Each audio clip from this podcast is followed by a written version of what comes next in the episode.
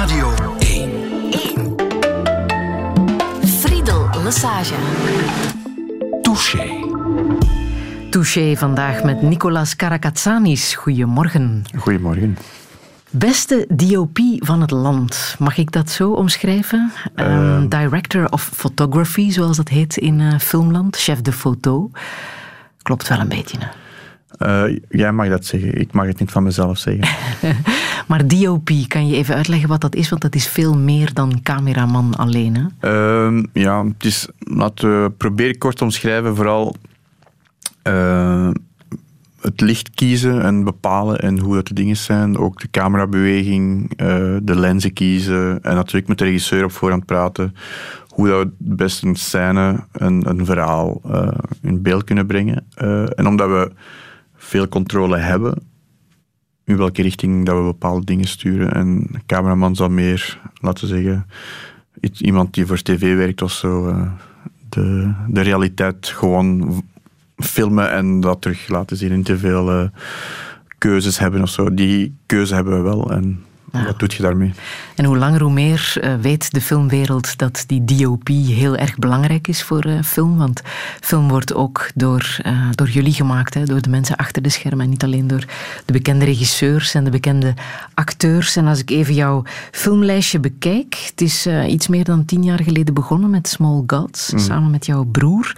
Linkeroever van Pieter van Hees heb je gedraaid. Welp van Jonas Schovaerts. Last Persons Area van Caroline Strubbe. En dan de drie films van uh, Michael Roskam ook. Hè. Uh, Runskop, The Drop en uh, Le Fidel.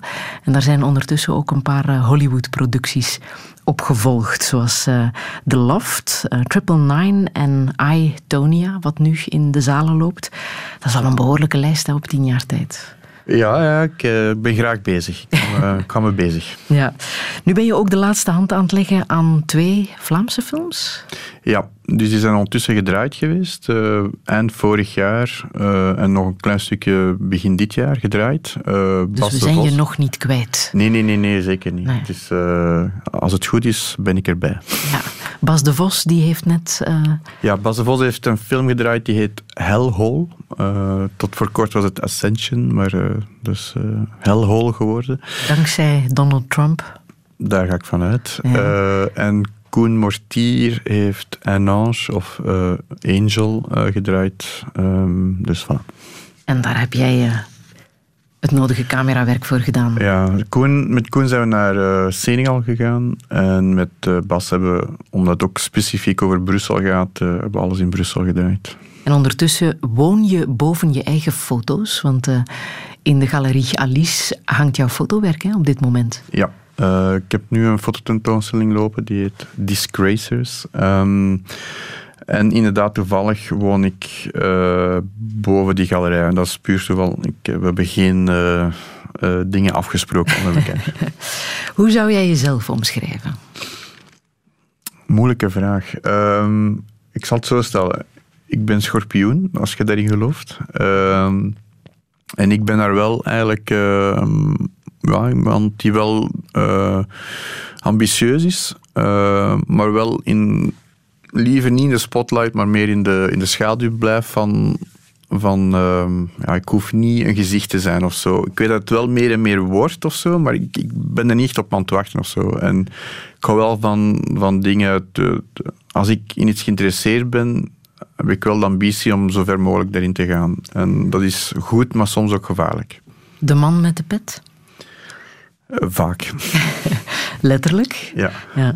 De meester van de duisternis, zo noemen ze jou ook wel hè, in het filmwereldje. Vaak, maar ik, ik vind het een beetje een gemakkelijk antwoord geworden, of een ja? gemakkelijke beschrijving. Ik denk dat er meer achter zit. Uh, ik hou wel van, van het, het mysterieuze, um, van dingen die niet meteen leesbaar zijn of begrijpbaar zijn. Want dat zijn de dingen die ik zelf zowel als ik dingen lees of als ik muziek luister of als ik dingen meemaak, heb ik graag tijd die mij, uh, of de, de, nodige tijd om dingen te ontdekken of zo. En ik vind daarom ook dat misschien in mijn werk of zo, of de dingen die ik doe, ik, zoek ik er ook een beetje naar, naar iets dat niet meteen leesbaar is of zo, maar misschien wel ja, dat, je tijd neemt om het te, te begrijpen. En even goed voor mezelf. Uh, dus, Alcoholvrij? Ja. Klopt ook? Al heel mijn leven. Uh, Nooit alcohol gedronken? Nee, en dat is een beetje dat is zo en vraag me niet waarom. Uh, ik heb daar wel bepaalde, achteraf gezien misschien redenen, maar het is niet religieus. Het is niet, ik heb geen dronken ouders gehad of zo. Dat is uh, allemaal heel lieve en goede ouders gehad trouwens. Uh, maar um, nee, dat is gewoon... Komt erop neer, denk ik, achteraf gezien, omdat heel veel vrienden van mij dat deden, wat iedereen trouwens doet, hè, alcohol drinken en, en even goed sigaretten roken of, of wat dan ook. Ik heb nooit van mijn leven alcohol, sigaretten en drugs gedaan.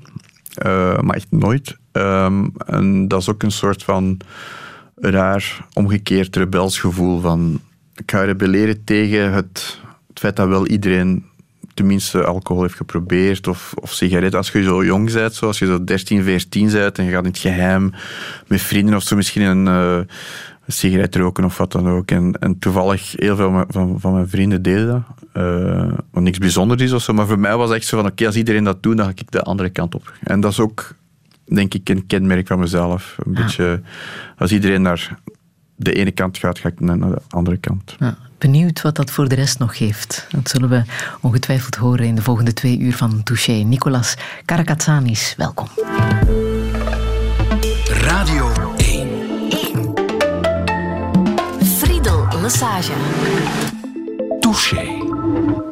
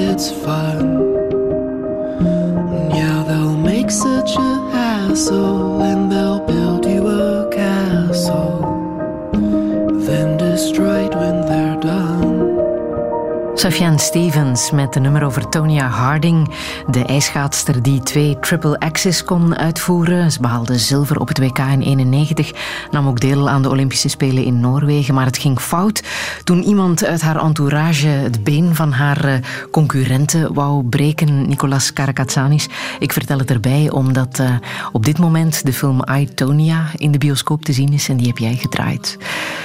Toen ze die vraag stelden, we gaan een film maken over Tonya Harding, dacht je toen meteen, ja, dat is iets voor mij? Het leven van een ijsschaatster? Nee, het is zelfs het omgekeerde. Ik was eigenlijk... Ze hebben mij doorgestuurd en ik heb drie weken het scenario laten liggen, omdat ik dacht van ja, ik zie mijn eigen niet echt iets over een, uh, het echte verhaal van een ijsschaatser. Dat is sowieso niet echt mijn zo'n biopic, zoals het dan heet. Uh, dat is niet echt mijn ding.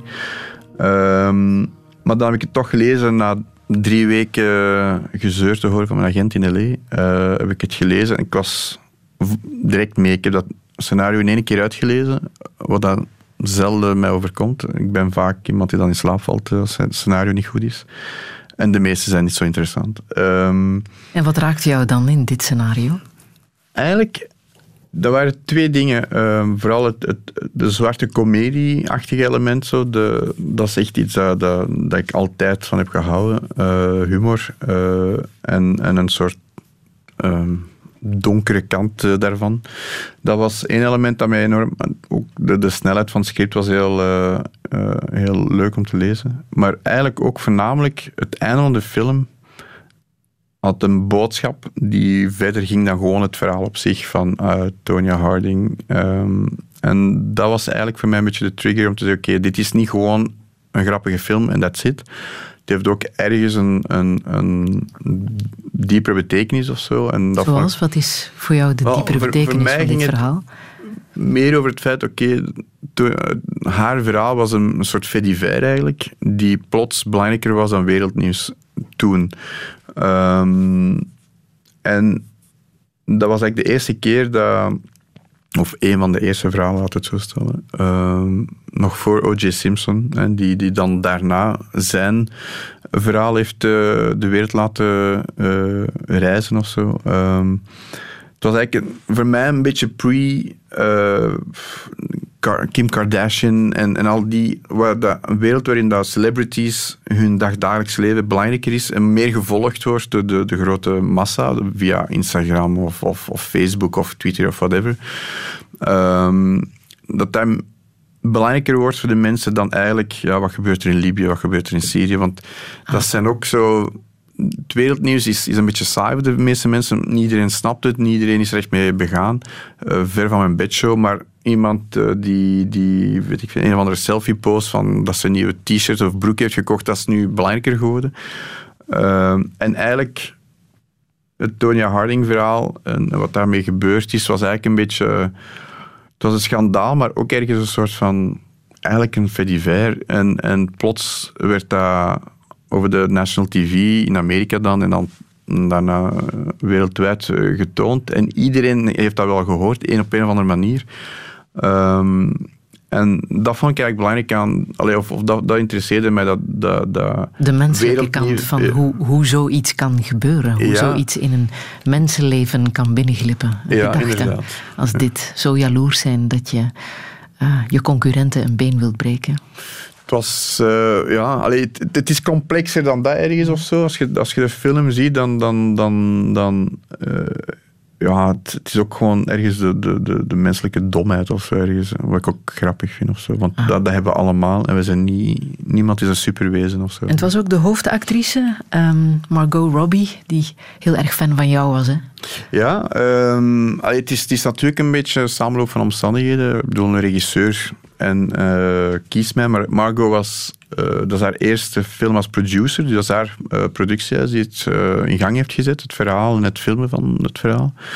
Um, en dan zoeken ze een regisseur. De regisseur zegt oké, okay, is goed. En dan ben ik plots ergens aan de radar gekomen. En inderdaad, dat was wel een heel leuke samenwerking. Ze is heel, heel gedreven en heel ja, ze is ook Australisch. Of Australisch, hè? Uh, en, en zij is heel... Um, hardwerkend en, en niet te veel eh, ehm, drama op de set of zo, helemaal niet eigenlijk. Niemand, dus iedereen die mee heeft gedaan, want dat is nogal een harde en eh, heel, allee, heel veel werk te doen op korte tijd. En, eh en Mark had het echt zwaar, ook omdat natuurlijk, ja, ze moest op de, op de piste gaan schaatsen, wat dat sowieso heel fysiek is. En als je dat niet elke dag doet, is dat niet echt... dus zij moest zich concentreren op de technische kant, maar daarbij ook nog acteren. Dus dat is niet eenvoudig. Ehm, Kan jij schaatsen trouwens? mijn moeder zal zeggen van wel, maar ik... eh, niet zo. Eh, nee, nee, En dat hoefde ook niet als Nee, cameraman. Nee, nee, dat is het ding. Ik heb, we hebben een goede team eh, van mensen gevonden die, die wel konden schaatsen en wel eh, bepaald. Allee, we hebben Ja. sommige dingen zijn geschaatst en andere niet. Dus, Ja, maar het was een film met een ja, niet zo groot budget. Zeker niet de Hollywood-cijfers, die je waarschijnlijk ook wel kent. Maar toch drie eh, Oscar-nominaties eh, gekregen en er eentje binnengehaald hè, voor de beste bijrol voor eh Alison Janney.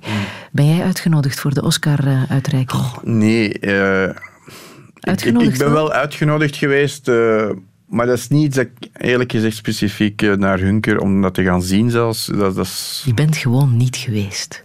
Nee, nee, ik ben niet geweest. En, en ik denk de regisseurs die mij kennen zullen dat beamen. Dat ik ook niet vaak naar premières ga van mijn eigen films. Eh, dat is niet mijn ding. Ik voel me er ook niet thuis. Eh, ik, ik ben veel liever op een set dan, dan op de Rode Loper of op een of andere galaavond of zo. Dat is, zelfs nu ook met de opening van de fototentoonstelling. Eh, ik doe het dan wel, omdat ik natuurlijk moeilijk daar niet kan zijn. Maar dat is moeilijk voor mij, dat is heel moeilijk. Ja. Heeft een opdracht als dit jou nu andere eh, aanbiedingen? Komen er andere voorstellen binnen Ja. als, je, als je op het Oscar-niveau zit? Oh ja, kijk, eh, alles neemt zijn tijd. En het is niet... Tuurlijk, je komt wel in aanmerking voor andere projecten en, en, en misschien eh, met grotere budgetten of wat dan ook. Maar uiteindelijk draait, blijft het draaien rond het vinden van een goed scenario, een goed script. En dat kan even goed met veel of met heel weinig geld zijn. Dat staat toch allemaal los van elkaar. Dus ik zit er niet speciaal in die manier op te wachten. Ik, ik wacht altijd gewoon vooral op een goed script of een goed project. En, eh, en dat kan in Europa zijn, dat kan eh, in Amerika of ergens anders zijn. Dat maakt op zich niet zoveel uit, eh, zolang dat, eh, dat ik zelf geloof in het project. Is het toevallig dat jouw fototentoonstelling Disgraces gaat over vallende mensen? Want als je op eh, het ijs eh, schaatst, val je ook wel eens. Heeft het een met het ander te maken? Nee, eigenlijk niet. Dan moet ik je toch in teleurstellen. Eh, nee, het is eigenlijk een idee die ik zelfs nog voor ik Antonia heb gedraaid, eh, ik denk een, een jaar geleden, of anderhalf jaar geleden al, het idee had. Maar van waar dat idee? Vallende mensen fotograferen. Eh, wel, ja, ik, ik, ik, ik had een, een, een ads gezien en ik vond een heel mooi. eh, ik vond de mens, dat, dat is een vallende engel uit de, uit de hemel. Ehm, en, eh, en ik vond dat een mooi idee van een soort de fragiliteit van een mens, maar even gewoon gewichtigheid daarvan. Allee, die ads heeft dat heel mooi getoond of, of, of verbeeld.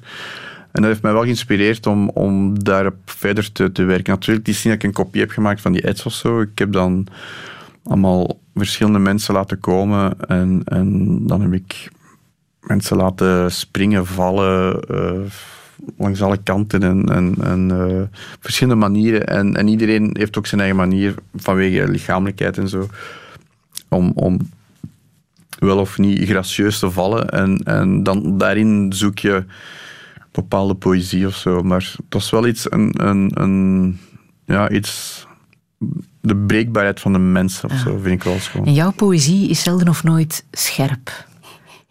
Mm. Integendeel zelfs. Ja, ik, ik, het is een techniek. Het feit dat ik mijn foto's eh, altijd onscherp trek. ehm, maar niet zozeer met het idee dat ze onscherp zijn, maar dat ze een schilderachtig gevoel eh, geven. En dus ik trek inderdaad al mijn foto's eh, met een bepaalde onscherpte die heel specifiek moet zijn. Het is niet gewoon onscherp, het is iets heel specifiek waar ik wel de laatste zes, zeven jaar mee bezig ben om, om dat te perfectioneren. Eh, zijn de bepaalde toestellen, bepaalde lenzen, eh, bepaalde afstanden, bepaalde... Je hebt heel veel parameters dat je daarin kan mee spelen. Maar ik zoek uiteindelijk wel het gevoel van scherpte, te, te- toch terug te zoeken binnen die onscherpte, maar vooral een soort eh, schilderachtige sfeer of zo op te wekken. En welke fotografen zijn jouw grote voorbeelden? Dat is een moeilijke. Ehm, ik ben niet zozeer... De, de, de fotografie die mij geïnspireerd heeft, zijn niet zozeer de mensen... zijn niet zozeer eh, werken die misschien... dat je gaat terugvinden in mijn eigen werk of zo. Maar ik ben een grote fan van Robert Adams. Dus, eh, ehm, maar dat is eigenlijk... Ja, eh, een beetje, alleen een beetje, dat is zo'n soort eh, landschapsfotografie in het algemeen. Dat zijn geen portretten, nogthans, ik doe vooral portretten. Eh, maar die heeft ook een, een, een heel mooie druktechniek. En, ehm, eh, ja, en die, zoekt ook die heeft ook een bepaalde melancholie ge- gezocht in, in, in de mensheid. Maar hij doet dat op een heel andere manier dan, dan, dan ik zelf doe. Zo. Het geheim van een goede fotograaf zit ook in de lens. Hè? Welke lens gebruik jij? Ehm, wel, ik ben nogal fan van Leica. Dus eh, daar heb ik heel veel mee gewerkt en nu nog. Eh, maar deze tentoonstelling was eigenlijk specifiek op een Mamiya-lens getrokken. Ehm, een oude lens, niks nieuws of zo, waarin ik een bepaalde vloeibaarheid heb gevonden. Een visuele vloeibaarheid die, ik, die mij aantrok. Het is eigenlijk zoals een penseel uitkiezen, daar komt het op neer. Eh, Elke lens heeft zijn karakteristiek, penselen hebben dat ook. Ehm, en het is echt eh, kiezen naar... Wilt je een harder beeld, een zachter beeld, een, een, een droger beeld? Je je kan er op, op verschillende manieren interpreteren. En, en zo zoek ik dan naar mijn materiaal. Ja.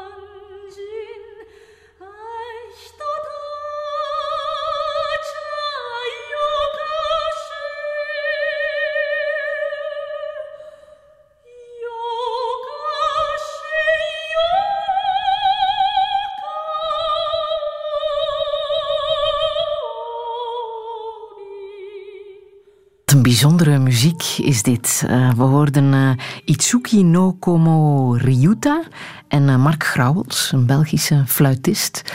Ehm, wat moeten we hierover weten, Nicolas Karakatsanis? Ehm, Mark Kraus is al heel lang, of sinds ik hem ken, de beste vriend van mijn vader. En is ook op wereldniveau een bekende dwarsfluiter. Ehm, en die ja, is een beetje een typisch voorbeeld van wereldbekend buiten België, maar wel iemand die heel, heel Belgisch is. Ehm, en, en dat is een opname die ik ooit heb gehoord via hem en ik vond dat fantastisch. En ik- dat is een muziek die ik al 16 jaar of zo niet wekelijks, maar toch maandelijks één keer opzet of zo. En ik vind dat prachtig. En wat zegt dat over jouw vader als hij dit soort vrienden heeft? Fantastische muzikanten eh, in zijn vriendenkring? Ehm, ja, dat is een goede vraag. Eh, eh, ja, mijn vader heeft heel lang, eh, tot voor kort, eh, een reisagentschap gehad. Eh, dus die, die, die, die verkocht ja, vliegreizen naar, me- meestal naar Griekenland en, en landen daar rond. En ook cruises. Ehm, en ik denk ook dat die misschien in, deze, in dat milieu elkaar hebben leren kennen of zo. Ehm, precies weet ik het niet. Maar ja, mijn, mijn vader is wel iemand die enorm ook graag naar vooral klassieke muziek luistert en opera en zo.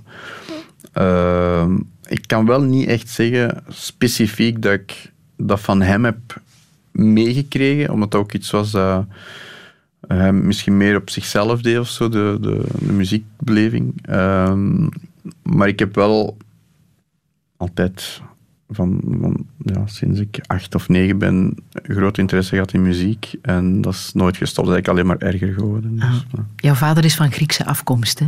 ja. Vandaar Eh, die bijzondere naam Karakatsanis. Weet je trouwens of dat iets betekent? Ja, is- er zijn verschillende uitleggen daar rond. Ehm, het zou een Grieks-Turkse naam zijn. Eh Kera betekent zwart, in een, denk ik in het Turks, als ik me niet vergis. En Tsanis zou mand of tas zijn, of zo'n soort zwarte eh, mand. Maar langs de andere kant heb je een ander verhaal dat zegt dat de clan van de Kerekatsanissen afkomstig, zijn uit het noorden van Griekenland. En eigenlijk een soort eh, herdersvolk zijn, maar nomaden. En die gehuld zijn in het zwart. Ehm, en die gewoon als nomaden rondtrekken eh, in doorheen het land. Dus dat vind ik een mooiere uitleg. Eh, een beetje, omdat ook iets is waar ik mezelf een beetje herken in mijn werk, zijn de, een beetje het nomadisch bestaan van vanwege het werk vaak te reizen, alleen te zijn en een beetje tijd heb om te eh, contempleren over het leven, over Ah. dingen. Dus, Je doet je naam alle eer aan in eh, wat je nu doet als, doe mijn best. als filmmaker. Ehm, wat voor band heb jij met je vader? Ehm, dat is de moeilijke. Ehm, goed, maar misschien neutraal. Eh, mijn vader is niet iemand dat heel eh, erg veel over zichzelf praat. Ehm, en die ook niet misschien begrijpt waarom dat, dat zou nodig moeten zijn of zo. Wat ik misschien ook voor een deel heb overgenomen. Maar dat is wel iemand die heel genereus is. Ehm, maar die, ja, dat is, dat is, dat is iemand die, die vrij emotioneel gesloten is. Eh, En altijd geweest. Ehm, maar op zich vind ik dat ook niet... Ik zie het ook niet als een negatief iets of zo. Misschien zelfs liever dat dan te extravert, emotioneel of zo. Ehm, ik heb wel graag iemand die op zichzelf zijn wereld beleeft of zo. En ik denk dat ik dat ook een beetje zelf doe. Zo. Ken je hem goed? Want je hebt hem een tijd lang, denk ik, niet zo vaak gezien. Ja, het is ook, het is ook mijn periodes. Ja, ik, ik, ik ken hem goed zoals hij nu is. Want hij, dat is iemand die eh, in 41, 1941 geboren is. Dus hij heeft nog de oorlog meegemaakt. In Griekenland dan, in Athene. En ik hoor daar heel sporadisch af en toe een flart verhaaltjes van vroeger. Ehm, en die vind ik wel heel fascinerend. Maar als hij die verhaaltjes dan, of, of anekdotes van vroeger vertelt. Ik heb gehoord bijvoorbeeld onlangs van hem dat, dat hij woonde samen met zijn moeder ehm, tegenover een kazerne van de, van, het- van de nazi's eigenlijk. En dan denk ik van, hoe is dat dan als klein kind om in zo'n omgeving te wonen of zo? Maar hij vertelde dan niet echt veel meer over of zo. Hij, zegt gewoon dat hij dat wel allemaal heeft meegemaakt of zo. En dan vind ik dat wel heel fascinerend. Eh, en mijn vader heeft ook in, in Zwitserland gestudeerd. Dat vind ik op zich ook wel interessant. Ehm, in de ja, hotelschool eigenlijk. Ehm, maar, eh, en hij heeft ook heel veel van de wereld gezien vanwege zijn werk. Maar eigenlijk heeft er nooit echt iets over verteld tegen, tegenover mij of zo. Eh, hoe is hij in, eh, in België terechtgekomen? ja, ook via het werk eigenlijk. Een beetje gewoon, eh, ik denk via toerisme of zo. Eh, ik denk dat het Grieks eh, toerismebureau of zo van toen, eh, in de jaren eind 60, begin 70, eh, ehm, is hij dus naar België getrokken om daar te gaan werken. En dan heeft hij ook mijn moeder leren kennen. eh, die ook een beetje, allee, die ook in toerisme op, op dat moment alleszins eh, eh, aan het werken was. Ehm, en die hebben elkaar leren kennen. En die zijn in Kenia getrouwd. En mijn broer is daar ook gemaakt geweest. maar hij is wel in België, in Antwerpen geboren. Ja. Eh, maar dus die, die zijn wel in, in, in Afrika getrouwd geweest. Ja. Dus, eh, Maar jullie zijn, jouw broer en jij, zijn apart opgegroeid, hè? Ja, het is een beetje. Mijn ouders zijn eh, rond mijn zevende en mijn broer is twee jaar oud, dus hij was negen of zo gescheiden na tien jaar ehm, huwelijk. En ik denk dat mijn, broer heeft, ja, heeft zo zijn moeilijke periodes gehad, laten we het zo stellen. Eh, en, en, en dus eh, ik heb met mijn moeder vooral geweest. Hij was een tijdje bij mijn vader dan meer. Ehm, en op een bepaald moment is mijn broer dan ook meer eh, zijn eigen weg opgegaan en, en naar het buitenland. En, en zijn eigen gaan zoeken, laat het zo stellen. Dus, En hoe hebben jullie elkaar teruggevonden?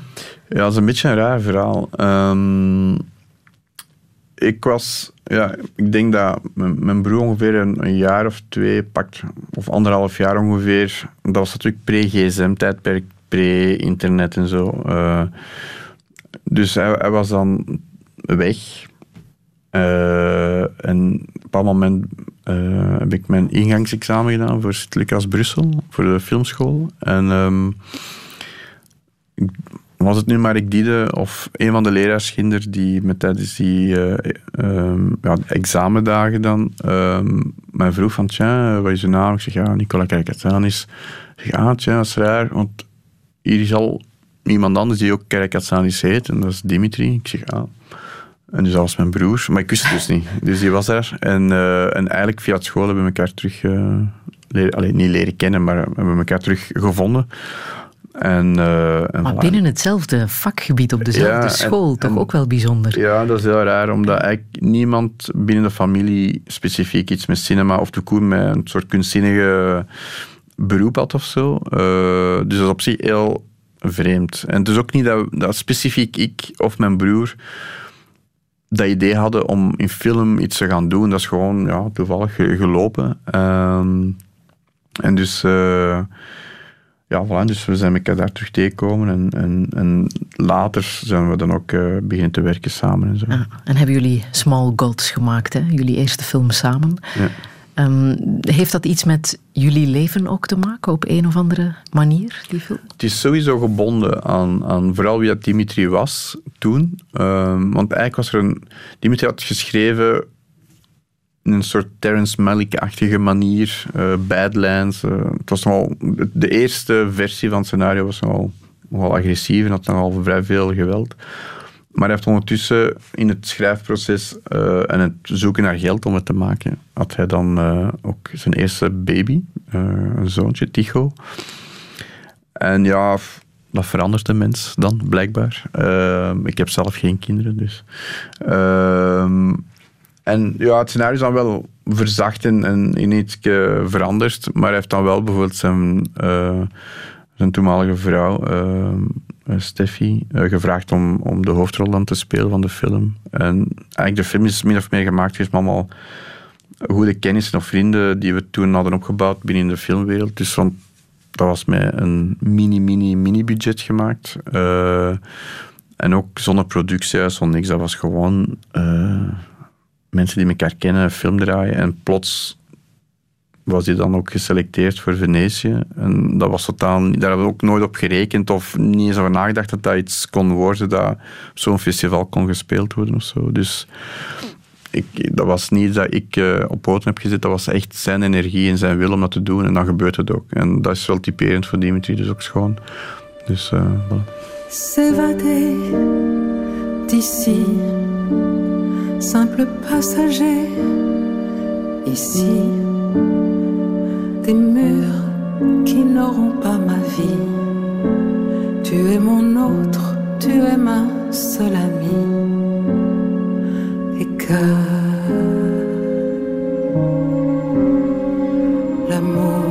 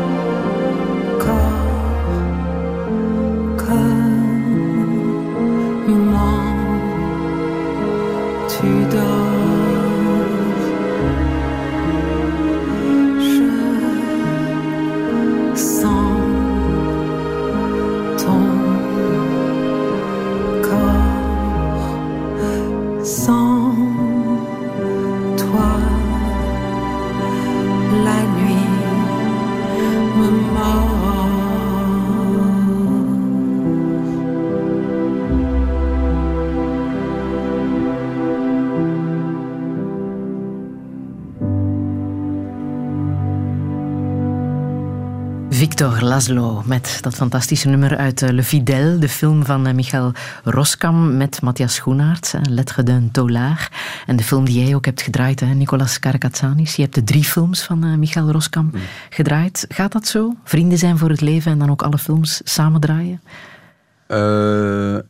Laten we zeggen van ja. Je moet opletten natuurlijk. Nee, nee, maar inderdaad, ik denk, allee, sowieso ben ik altijd, ik ben fan van het eerste uur van Michael zijn werk en van Michael als persoon ook. Ehm, en ja, ik denk dat als er een volgend project is, eh, sowieso zal ik het graag doen, tenzij agendas conflicteren of zo, maar op zich... Eentje eh, kennen we al. Eentje is aangekondigd. Hè? De biopic over eh, Sylvia Christel. Ga jij dat draaien? Ik zou zeggen van wel, maar laten we zien eh, waar en wanneer en hoe de dingen Ja, lopen. daar en, hangt eh, het vanaf. Plaats en tijd. En of jij dat in je agenda kan eh Ja, in, nee. inschedulen. Inderdaad, ja. ja. Nee, nee, maar op zich graag, heel graag. Maar toch ongelooflijk dat je zo'n eh, cv hebt en de school niet eens hebt afgemaakt. Hè? Ja, ik weet niet als je dat mocht zeggen op de radio, want eh, nu gaan alle kinderen zeggen, ah zie. het is niet nodig. Voilà. Ja. Eh, Voor nee, jou was het niet nodig. Ja, kijk, eh, ik heb ook een, mijn parcours gehad en, en, en dat is, iedereen heeft zijn eigen ding. Ik denk, als je een beetje een passie hebt, en dat is denk ik een beetje mijn redding geweest, dat je gewoon heel passioneel bezig bent en, en echt met veel interesse iets beoefent. Ehm, en dat kan dan eender wat zijn. Het school is wel belangrijk geweest voor mij, omdat uiteindelijk leert je wel mensen kennen. En, en dat zijn dan eigenlijk de regisseurs van de toekomst op dat moment. En al vrij snel voelde ik mij, en de leraars ook trouwens, eh, op Sint-Lucas, dat ik misschien niet als regisseur moest doorgroeien, maar meer als cameraman. Dat was eigenlijk vanuit school al eh, een beetje eh, blijkbaar zichtbaar. Ehm, dus dat is ook wel iets dat ik mentaal een beetje de knop heb eh, ja, afgezet of wat dan ook van het regisseurschap of zo. Dat is wel iets dat ik misschien meer in mijn fotografie nu terug lichtjes opzoek, maar niet zozeer in de... Ik moet niet een regisseur worden, wat veel DOP's wel eh, vaak doen. De, Dat is vaak de volgende stap. ja, en dat is, niet, dat is voor mij echt niet weggelegd. Ja. Kan jij zeggen wat jouw specialiteit is? Want Hollywood heeft jou nu ook ontdekt hè, met Itonia en met eh, eh, andere projecten waar je ondertussen mee bezig bent.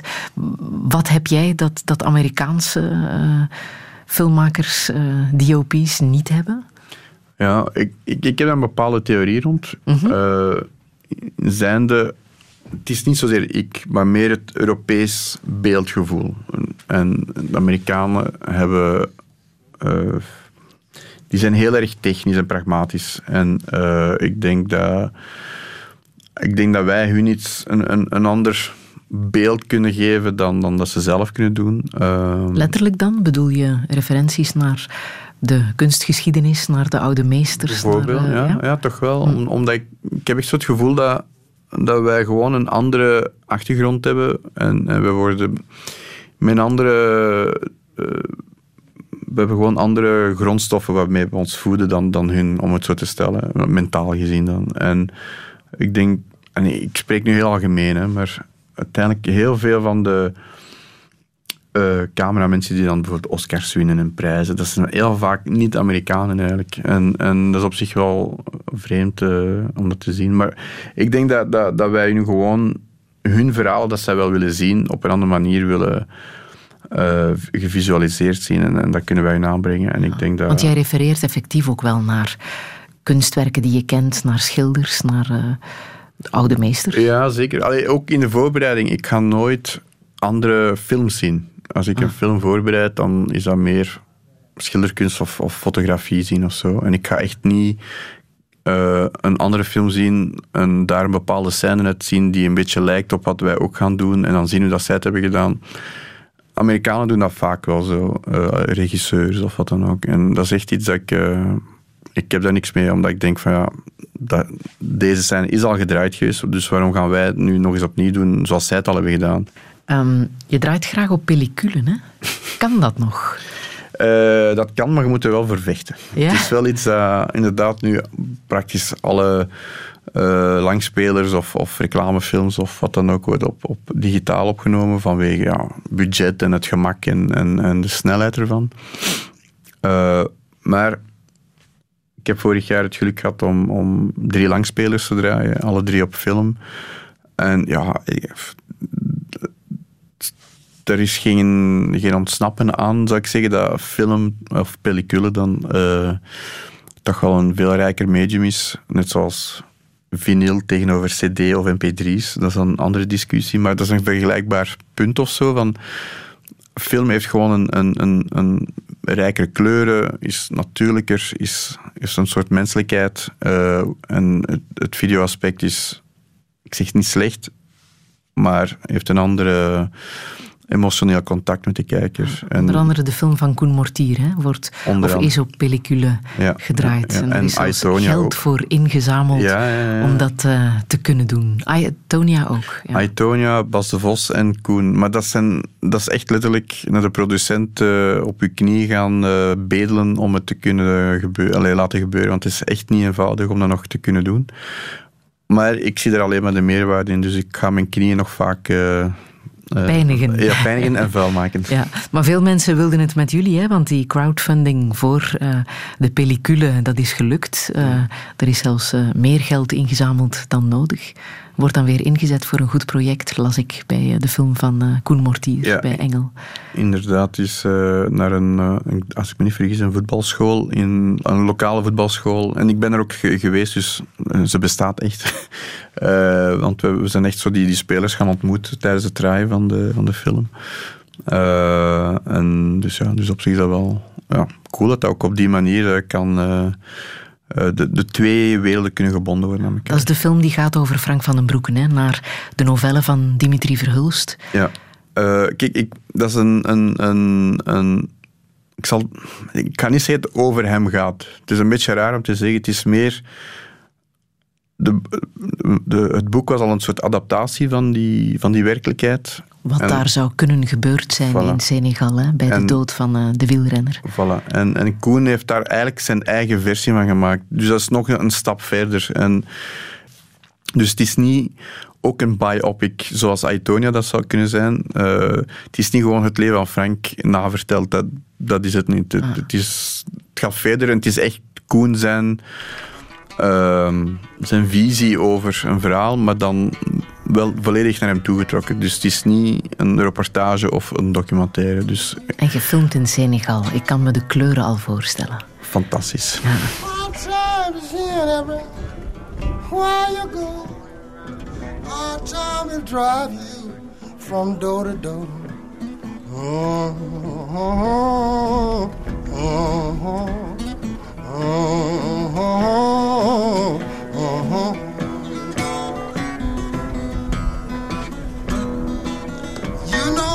people they are drifting from door to door, but they can't find no heaven. I don't care where they go.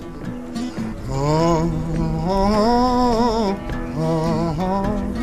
oh,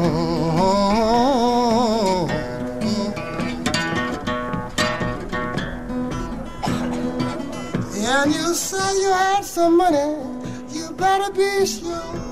Don't these hard times gonna kill you? Just dry along the soul.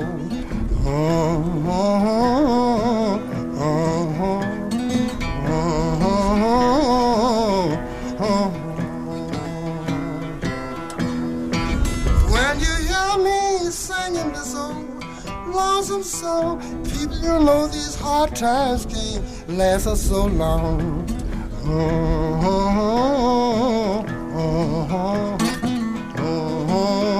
You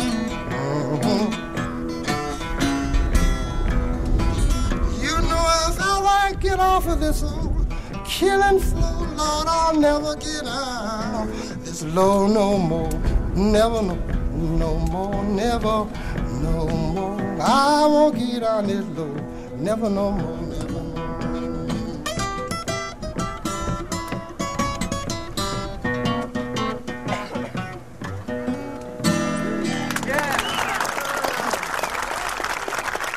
Times Killing Floor Blues van Skip James, Nicolas Karakatsanis. Moet je even wat uitleg bij geven.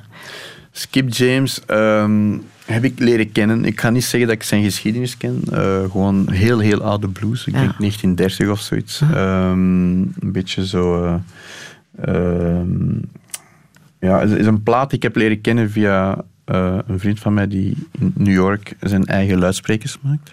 OMA.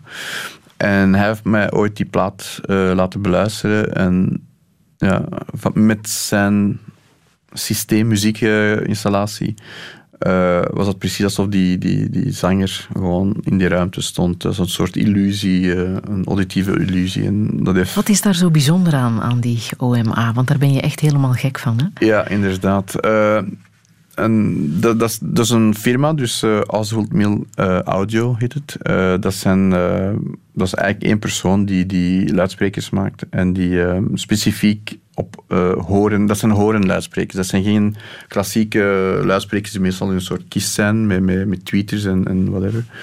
Ehm, komt erop neer, ik ben een aantal jaar geleden, ik denk vijf jaar geleden of zo, zes jaar geleden, heb ik daar een, een bij hem thuis in New York, in Dumbo woont hij, eh, een, luistersessie gaan doen op basis van allemaal vinylplaten, gewoon van oude platen van 1920, 30, 40, in mono-opnames, in stereo-opnames. En ook bekendere dingen eh, zoals Blondie en, en Michael Jackson. Heeft hij mij toen laten horen. En dat heeft zo'n diepe indruk op mij achtergelaten. Ik was al sowieso altijd met muziek bezig en, en, en eh, ik ben nogal een grote mu- muziekkoper of zo. Vinyl of cd, dat maakt op zich niet zoveel uit toen. Maar door die ervaring heb ik wel begrepen wat, dat vinyl en een deftige luisterervaring eh, kon zijn. En ik heb toen voor mezelf een beetje besloten van oké, misschien ga ik daar wel eh, een beetje meer geld tegenaan gooien, maar dat was echt een investering. Dat, is echt, eh, dat zijn ook niet de goedkoopste eh, luidsprekers. Het is maar een dan- beetje zoals de pellicule. ja, het is, het is echt... eh, maar, maar het komt erop neer, denk ik, terug een soort passie voor, voor, eh, voor muziek of voor de muzikant of voor het hele, ehm, het hele plaatje eigenlijk van wat dat kan zijn. En, en dat is wat mij enorm fascineert en intrigeert. En, en inderdaad, in pellicule is dat hetzelfde. Het is gewoon... Je hebt een bepaalde liefde voor hoe dat iets moet getoond worden, of hoe, ook in projectie of wat dan ook. En, en dat is een beetje mijn Scorpio-kant of zo. Hoe goed ben jij zelf als muzikant? Daar kan ik heel gemakkelijk op antwoorden. Ik, ben, eh, ik heb nooit iets gedaan met muziek. En, eh, als, ik heb zelf nooit geprobeerd iets te doen met muziek. Omdat ik altijd het gevoel heb gehad dat ik het sowieso niet kon. En ik heb het dus ook nooit geprobeerd. dat is, en dat is eigenlijk vreemd, want ik, eh, muziek is misschien meer mijn leven dan beeld. Ja? Ja. Ah, dat weet je wel. Eigenlijk wel, ja. Ja? Maar ik heb er alleen maar een, een ontzaglijk respect voor, voor, voor muzikanten, wat dat ze kunnen. En dat komt eigenlijk voornamelijk omdat het medium film is een heel complex medium. Er is een verloop van jaren voordat er een film tot stand kan komen. Wat wij zien op het grote scherm, dat is niet vorige week opgenomen geweest en afgewerkt geweest. Nee, dat is letterlijk een aantal jaren geschreven geweest en dan geld gaan zoeken en dan gemaakt. En de muzikant die kan letterlijk zijn gitaar nemen en begint te zingen en je kunt die emotie voelen. Dus dat is een veel directere aanpak en, en dat heeft me wel altijd ehm, ehm, gecharmeerd ergens of zo. Of indruk op mij gelaten. En nu ja, vanwege mijn, liefde voor muziek en voor de beluistering ervan eh, over de laatste jaren, ehm, ben ik ook meer en meer gaan echt luisteren, met mijn, mijn gehoor gaan ontwikkelen van oké, ik kan niet zeggen dat ik weet met welke microfoons dingen opgenomen zijn geweest, maar je hoort wel de mix, de mastering, de, de, de afwerking, die plaat is, is, eh, is eigenlijk, eh, komt niet echt, is geen analoog opname, het is een di- digitale opname. Je hoort al die verschillen en, en het is ook tof omdat ik sommige vrienden van mij zijn ook muzikanten en dan kan ik, maar ik, ik, ik, ik, hen daarmee waarschijnlijk, maar ik vraag hen dan, tja, je moet eens uw plaat bij mij komen luisteren en, en, en ik ben eens benieuwd wat je ervan zelf vindt. En soms ontdekken ze of herontdekken ze hun eigen muziek eh, eh, als ze die bij mij afspelen. En, en ik vind dat wel tof. eh, het is, het is, het is, ja, ik vind dat een heel, heel boeiende wereld. Ja, het gaat ver, hè, die fascinatie voor muziek luisteren. Want zelfs jouw favoriete schilderij van eh, Fernand Knopf gaat over ja, een vrouw die luistert naar muziek. Hè, en écoutant Schumann. Ja, ja inderdaad. Ja, dat, is eigenlijk, dat is eigenlijk grappig, want Jij zoekt ernaar in alle kunsten. Ja, maar het is ook omdat muziek ook echt voor mij het, het, het, het, het diepst in je ziel kan kijken of zo. En, en het meest emotioneel contact kan zoeken. Maar dat is ook omdat vaak is dat een menselijke stem die dan zingt en die een bepaalde emotie kan brengen. En fotografie of schilderkunst eh, of film, dat, is, dat, is zo'n dat zijn eh, ja, dat, dat, dat, zijn dat is een heel andere manier van, van die emotie naar, naar u te laten komen. Maar deze werk komt, komt een beetje alles samen. Of zo. Het is en schilderkunst, het, het gaat over, over muziek. En het is een, niet echt een portret, want het is een vrouw die een beetje wegkijkt en, en letterlijk luistert naar muziek. Eh, en haar hand staat voor haar gezicht. Eh, ik heb er ooit zelfs een werk op gebaseerd eh, dat ik heb gemaakt. Ehm, dus dat is wel een, een, een werk die, die, al, die ik al heel lang ken en die mij altijd Hangt heeft in het eh, gefascineerd. museum hier in Brussel. Hè? Ja, inderdaad. En, en dat is dan het, het tofste voor mij, dat ik er gewoon naar kan gaan kijken. Ja, ja. Eh, muziek bij film is natuurlijk ook niet onbelangrijk. Hè? Heb je daar al eh, zelf invloed kunnen uitoefenen bij eh, de muziekkeuze? Mm, nee, eigenlijk nog niet. En dat is misschien wel iets dat ik meer zou moeten doen. Volgende Nee, stap. Ja, voilà. Ik heb muziek uit een van jouw favoriete films, Under the Skin. Ehm, heel bevreemdende film. Mhm, Zullen we luisteren naar die muziek? Graag.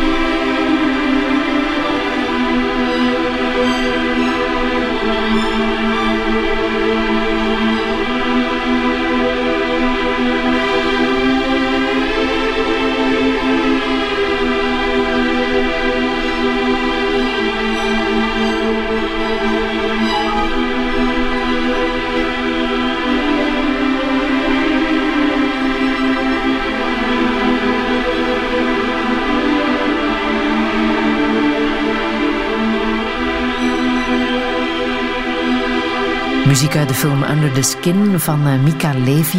Die eh, ken je ook, Nicolas eh, Karakatsanis. Deze bevreemdende muziek. En ze maakte ook de muziek van Jackie, zei je zo net. de film over Jackie Onassis. Ehm, Under the Skin, film van Jonathan Glazer met Scarlett Johansson in de hoofdrol waar ze een buitenaardse wezen speelt.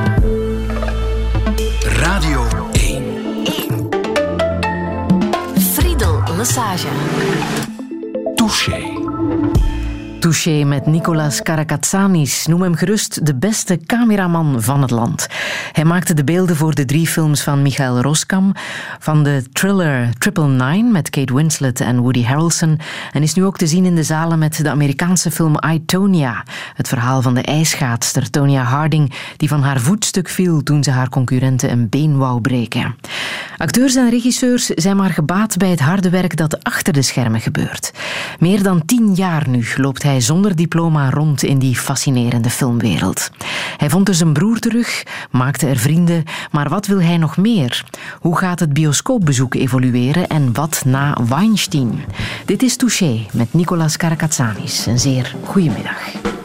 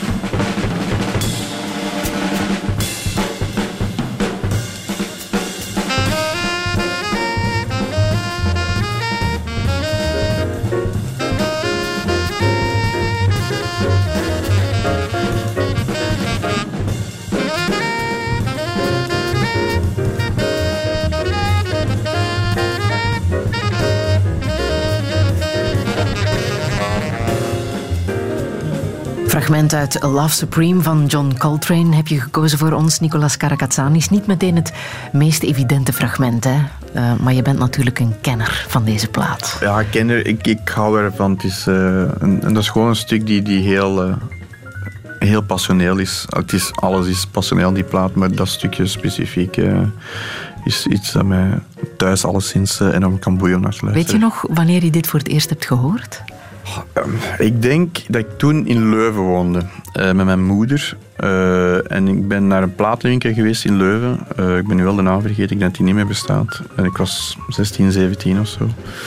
Um, en ik herinner me nog dat ik die wou kopen. Waarom weet ik niet eigenlijk. Ik denk dat ik de naam vond ik fascinerend, Love Supreme.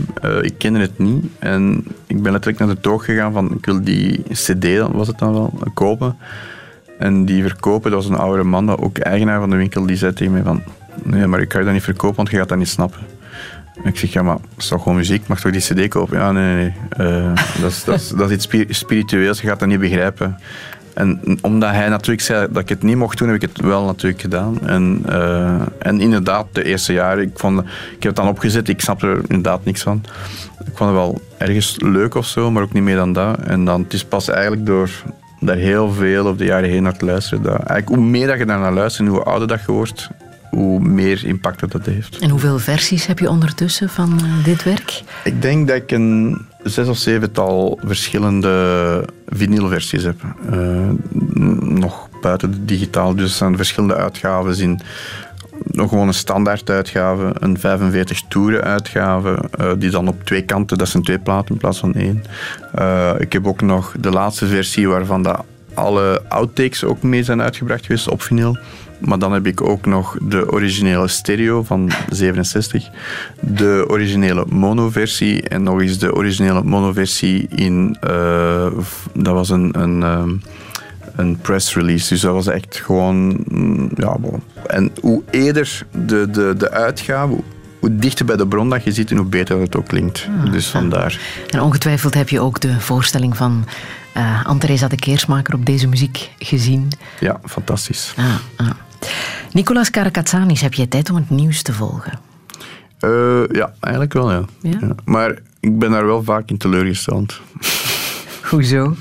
Maar niet in het nieuws, niet in, in gewoon de manier hoe dat het nieuws gebracht wordt. Of. Heb ik vaak het gevoel van alles wordt meer als een als, als zo snoep uitgedeeld of als uh, quick bites of, of soundbites. En, en, en hoe langer hoe meer, maar dat is misschien door het ouder te worden, verlang ik wel naar nieuws dat meer gefundeerd is op onderzoek en, en dingen deftig uit te leggen. En het is vaak... De wereld is sowieso verwarrend, laat het zo stellen. Maar uh, het, het, nieuws helpt niet altijd om, om, om de, dingen eigenlijk te duiden, vind ik. En Laten we dan even op onderzoek uitgaan. Hè. Jij woont in het centrum van Brussel. Uh, afgelopen week hebben ze 22 maart herdacht. De aanslagen op uh, Zaventem en Molenbeek. Waar was jij op 22 maart, twee jaar geleden? Uh, ik was uh, in mijn lokale café, dat is eigenlijk Bar Beton, in, op de Dansaertstraat. Die uh, ochtend? Die ochtend. En ik heb eigenlijk een, in, een, een beetje een bizar verhaal. Uh, ik was daar eigenlijk helemaal alleen, want het was vrij vroeg nog. Ik denk rond acht uur was het of zo. Ja. Um, en ik was daar mijn koffie aan het drinken. En er was nog één andere persoon, een, een, een, vrouw, een iets oudere vrouw, gewoon, die daar ook koffie stond te drinken of zo. En die was letterlijk op 15 meter van mij. Dus niet naast mij, maar een beetje verder. En ik was mijn krant aan het lezen en koffie aan het drinken. En mijn telefoon zat op de tafel. En ik zie plots uh, zo'n uh, pop-up nieuwsbericht uh, op mijn telefoon komen, zo'n breaking news. aanslag in, of bommen in Zaventem of zo. En ik zag dat, zij, dat die mevrouw ook iets, net op dat moment ook dat, dat, bericht las. Want ik zag het aan haar gezicht dat zij ook hetzelfde bericht las, min of meer. En we hebben toen letterlijk naar elkaar gekeken van... Ah ja, voilà, het is gebeurd. Het moest gebeuren, het zou gebeuren en het was gebeurd. En ik heb letterlijk daarnaar gekeken en ik heb gewoon verder mijn koffie gedronken. En dan zitten afwachten wat er dan nog van nieuws ging binnenkomen. Maar dat was totaal geen... En, en, en dat is duidend voor deze tijden, of, of misschien voor mezelf. Ergens bijna emotioneel gedisconnecteerd van de realiteit, omdat alles zolang het niet echt voor u gebeurt, dan heb je toch niet het gevoel dat het echt gebeurd is of zo. Uh, omdat wij allemaal meer op het internet leven dan in de werkelijkheid ergens. En al het nieuws komt van het internet um, of, of ja, die kanalen.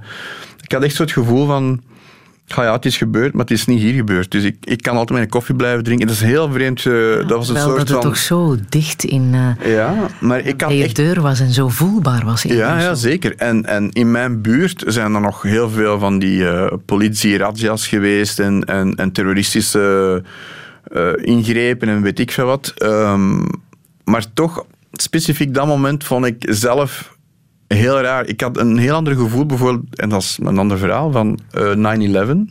Herinner ik me ook heel goed. Uh, ik was toen nog op filmschool. Ik was een eindwerk aan het monteren voor iemand. En dat bericht is binnengekomen op de radio. Ik heb dat eerst op de radio gehoord. En toen spraken ze van een klein vliegtuigje in de WTC-toren. Ik had verstaan de WTC-toren in Brussel. Ik had zelfs niet door dat in New York was. Dan heb ik tv opgezet. Uh, en toen zag ik de WTC-toren in New York in, in van brand. En ik was mega onder de indruk en, en gechoqueerd, emotioneel echt van aangedaan. En nu, zoveel jaar later, gebeurt in uw eigen land een aanslag met allemaal doden en, en, verschrikkelijke dingen. En toch was het iets van, ja, het moest gebeuren, het is gebeurd. En, en, en hopen dat het niet te erg is. En dat was echt emotioneel, was dat een beetje de standpunt Allee, of, of het een momentopname van wie ik was op dat moment, emotioneel gezien. En een heel vreemde ervaring. Ja. We zijn twee jaar verder. Is de stad veranderd?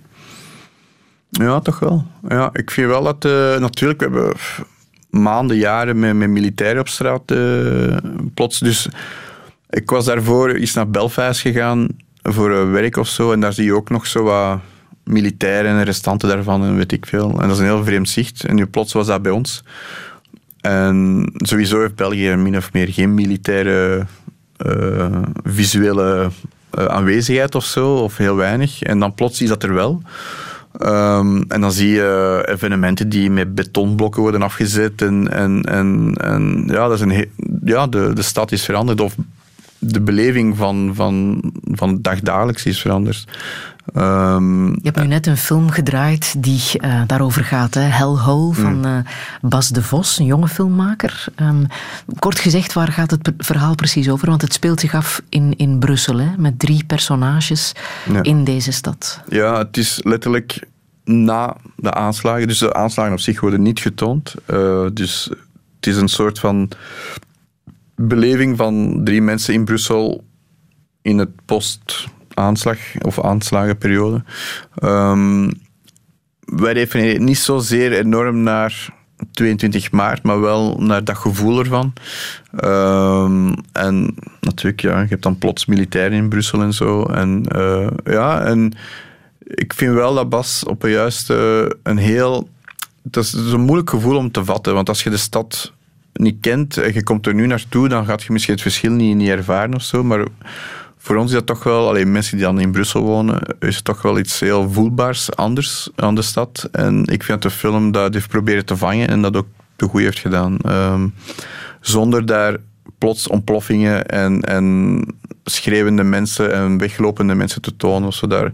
Het ging niet zozeer over dat, dat deel. Het was meer van, oké, hoe zijn de mensen nu daarmee bezig? Hoe, hoe wordt het leven ervaren? Hoe wordt daarmee omgegaan met die aanslagen? Dus, Kan je je voorstellen dat je iemand uit je naaste omgeving op deze manier eh, verliest? nee, eigenlijk niet. En, en ik heb alleen maar geluk gehad dat dat ook niet, niet het geval was. Ehm, maar Blijkt wel uit de berichten van afgelopen week dat die mensen nood hebben aan aandacht. Hè? ja, ja, nee. Zorgen we genoeg voor elkaar? Dat is een goede vraag. Ik, ik, ik denk dat, dat je dat doet voor je naasten, voor echt mensen die je dagdagelijks ziet, dat je dat, je dat gaat proberen of, of je best gaat doen daarvoor. Het, het, hele ding is, maar ik, ik, ik klaag soms een beetje de media aan, omdat die er ook soms wat goedkoop mee omgaan of zo. Dat, dat het, het is nieuws, maar het wordt gezien als meer als een soort gratis contentvulsel voor de radio, voor de, voor de kranten, voor de tv of zo. Waardoor dat soms, alleen mijn beleving van, van dat nieuws soms, ik heb daar een disconnectie mee daardoor. Waardoor ik emotioneel niet altijd de essentie snap of begrijp of, of daarmee een, een, raakpunt heb of zo. Ehm, en, en nogthans, ik voel me echt wel, ik kan niet zeggen Brusselaar, maar ik ben echt wel graag in Brussel en ik ben echt gebonden aan deze stad. Ehm, en, en, en toch is er een soort van ja, een disconnectie, emotionele disconnectie. Maar dat is puur misschien de berichtgeving ervan. Niet zozeer wat ik zou zien op straat of zo.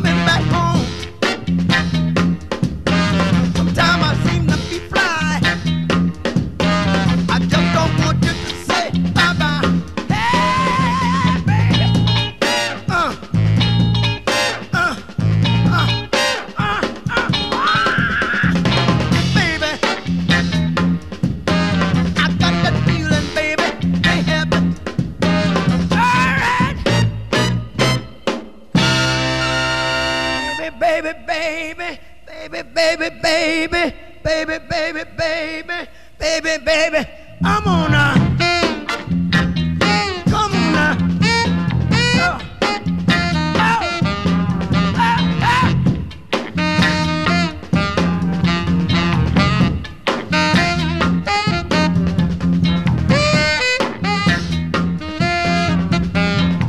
James Brown met I Got The Feeling.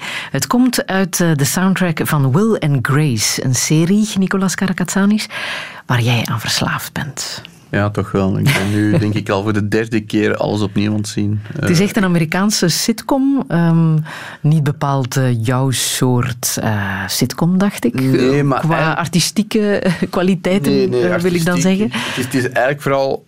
Ik heb dat leren kennen als ik... eh, ik weet ook niet, ook al tien jaar geleden of zo, of langer weet ik het. Eh, en dat is gewoon enorm goed geschreven, heel snedig.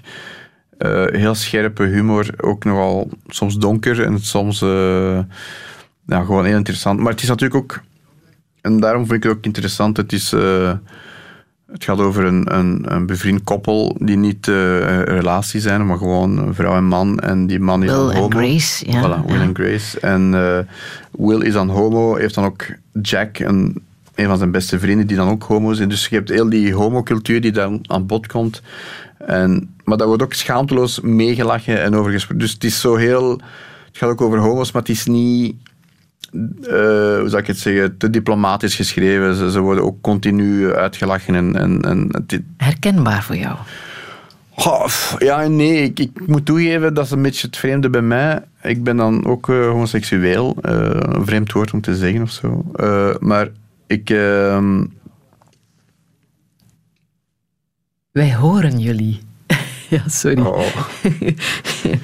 En, en dus die, eh, die, die reeks, ergens heb ik daar wel een, ik heb daar een band mee gehad, of, of ik voel daar een band mee, omdat er ook inderdaad niet eh, het, het, het homoseksueel zijn wordt ook niet als iets zwaars gezien of zo. Dat, dat is onderdeel van, maar het is niet dat een loodzware gewicht is dat je moet meedragen met, met de rest van je leven. Ik heb het ook nooit zo ervaren en, en ik heb er ook nooit last van gehad of zo. Of, of, eh, Wanneer maar- wist je het trouwens? Ik, ik vermoed als ik 16, 17 was of zoiets in die jaar. Maar ik ben heel laat eh, uit de kast gekomen. Dus ik was pas 30 of zo. Ja? Eh, en, en ik was al zelfs getrouwd en, en relaties met vrouwen en zo ook achter de rug. ja. Maar ik heb er echt eigenlijk, eigenlijk totaal geen spijt van of zo. Allee, ik, eh, ik heb ook allemaal... Ik zie dat meer als goede ervaringen die mij ook hebben gemaakt wie ik ben nu of zo. Dus dat is totaal niet dat, dat ik zo... Hoe zou ik het zeggen? Ja, ik heb er echt totaal geen problemen mee gehad of zo. Of, Ah. of, eh, en ik vind het wel ergens Hoe heb je dan de switch gemaakt? Hoe? Dat was een, een soort... Ik, ik denk letterlijk dat ik... Ik ging 30 worden en ik, toen heb ik met mezelf gedacht... Ik was toen net, denk ik, eh, uit een relatie. En met een vrouw. Ehm, en ik heb toen echt letterlijk tegen mijn eigen gezegd van... Oké, hoe, lang, gaan we dat nog volhouden? De, de, het zogezegd niet weten als ik... Want ik, heb hem altijd voor mezelf gezegd van... Als ik in relatie was met vrouw, oké, misschien ben ik niet op verliefd, maar dat is misschien omdat ik nog niet de juiste persoon ben tegengekomen en die ga ik nog wel tegenkomen, dit en dat. Allemaal drogredenen en leugens voor mezelf. Maar uiteindelijk heb ik dat dan letterlijk heel pragmatisch aangenomen. Van, oké, ik ga nu gewoon mijn, mijn paar beste vrienden bellen. Ik ga mijn ouders bellen. Ik ga dat gewoon zeggen, maar letterlijk over de telefoon. En dan, eh, en dan was dat klaar. En iedereen zei, ah ja, oké, ja, whatever. Dus dat maakte echt niet, niemand iets uit. Dat was ook totaal geen big news of zo. Dat was zo van, ah ja, dat is, dat is goed, hè, voilà. En, en dat was het dan ook. En zo heb ik het eigenlijk ook in het algemeen ervaren. Hoe sta jij tegenover kinderen? Ja, ik, ik heb, dat is eigenlijk grappig. Dat is nooit echt iets dat specifiek op mijn eh, eh, radar is, ehm, is blijven hangen. Iets dat ik wou eh, achtervolgen of zo. Ik heb niet echt een kinderwens of zo. Ik heb nu wel... Ik ben nu in een relatie met iemand die dat wel graag zou willen. Ehm, ik sta er wel open voor, maar ik, ik besef ook wel het leven dat ik heb, zijnde niet echt veel thuis en, en, en een ambitieuze ehm, carrière heb of zo. En ik, Ik wil ook vraag het omdat je ergens hebt gezegd, ouders zijn de babysitters van hun kinderen. Ja, dat is inderdaad... Bekijk je het zo? Goh ja, ik, ik, ik bekijk het in de zin van... Ik denk als, als man en vrouw kinderen maken... Ik, ik, ik heb altijd het gevoel dat, dat de ouders een beetje hun kinderen willen maken tot de perfecte versie van wie dat zij zouden willen zijn of zo. Maar uiteindelijk, kinderen worden wie dat ze zijn. En, en even hoe kan een, een, een, eh, een, een, baby of een kindje opvoeden, opgevoed worden door een heel rijke familie en helemaal niks met zijn leven bereiken of doen of, of, of heel ongelukkig zijn of wat dan ook. Dat heeft niks met die ouders te maken. Dat is puur, ik denk dan inherent te maken met hoe dat de DNA van die, dat is eigenlijk wetenschappelijk. Ik zie het meer als een wetenschappelijk iets. Kinderen worden gemaakt, hebben een deel genetica van hun ouders gekregen en, en, en van vader en moeder. En daar is iets nieuws uit ontstaan en dat is dan dat kindje. En dat kindje gaat dan reageren, niet vanwege de omgeving, maar vanwege hoe dat hij is, inherent. En, en, dus ik, ik zie als ouders zijnde, ze hebben een kind op, op de wereld gebracht en vanaf dat moment moeten ze er gewoon voor zorgen dat het levend blijft.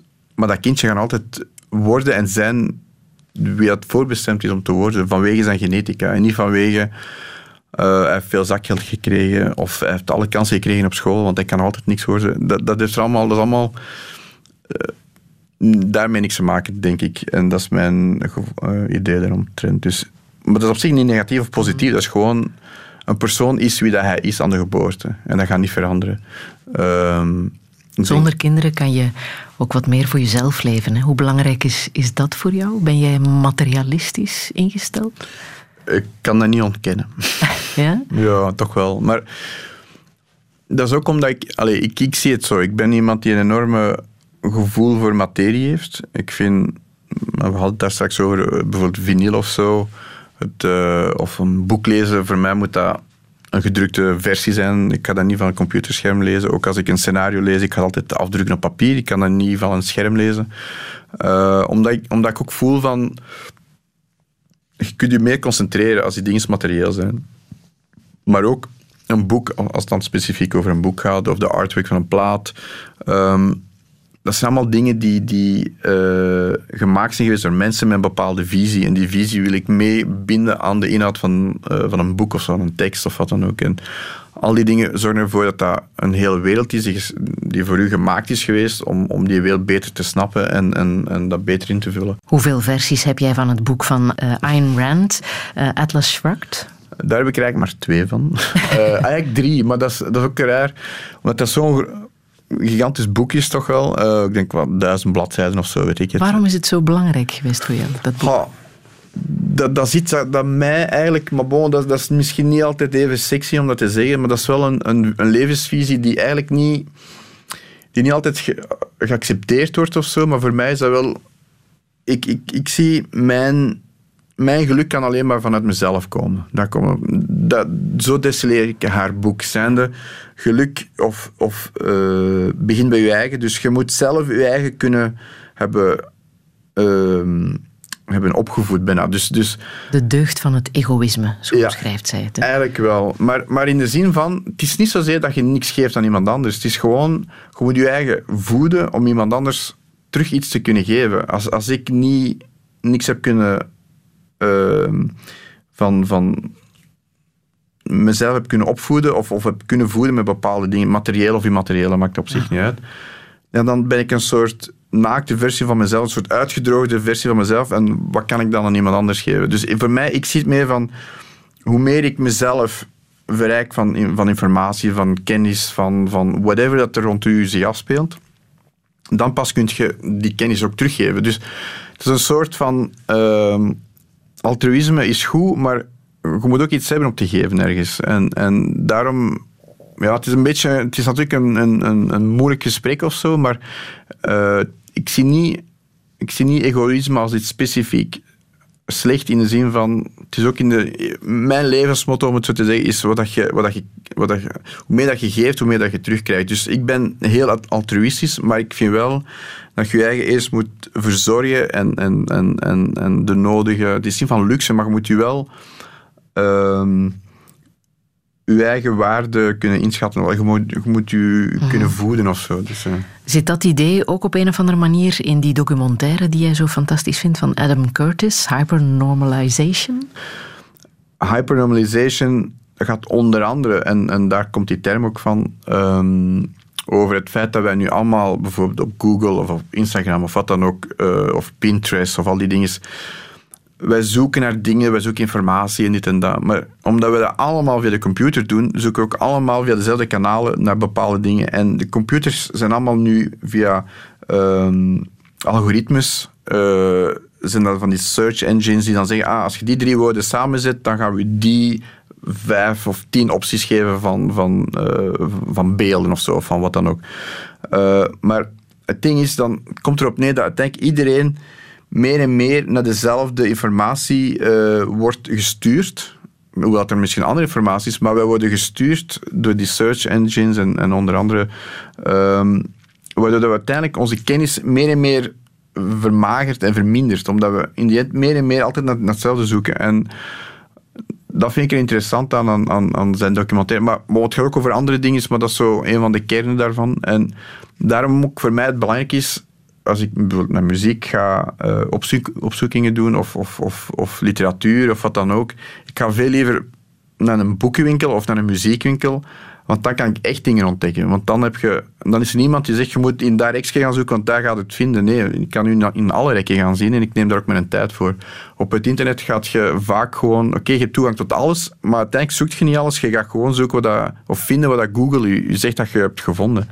Als ik thuis ben in, in Brussel bijvoorbeeld, s'morgens, en mijn lief in het begin vond dat raar, maar gaat er nu in mee als ik 's morgens opsta, ik moet eerst naar buiten gaan en een koffie gaan doen. Ik moet al direct in contact zijn met de wereld. En met, het is koud, dan weet ik dat het koud is. Het is warm, dan weet ik dat het warm is. Het is niet van...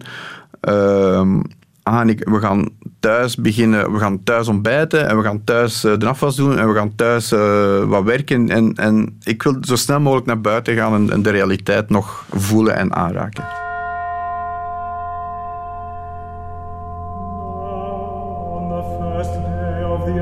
Unleavened bread, the disciples came to Jesus and said, Where dost thou want us to prepare for thee to eat the Passover? But Jesus said, Go into the city to a certain man and say to him, The Master says, My time is near at hand. At thy house I am keeping the Passover with my disciples. And the disciples did as Jesus bade them and prepared the Passover. Now, when evening arrived, he reclined at the table with the twelve disciples, and while they were eating, he said, Amen. I say to you, one of you will betray me. And being very much saddened, they began each to say, Is it I, Lord? But he answered and said, who dips his hand into the dish with me, he will betray me. The Son of Man indeed goes this way, as it is written of him. But woe to that man by whom the Son of Man It were better for that man if he had not been born. And Judas, who betrayed him, answered and said, Is it I, Rabbi? He said to him, Thou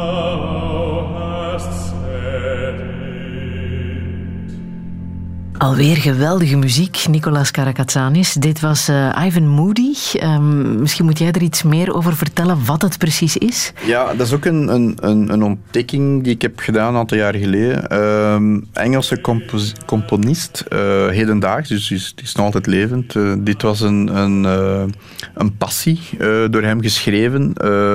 Deze is uitgevoerd door een Amsterdamse koor.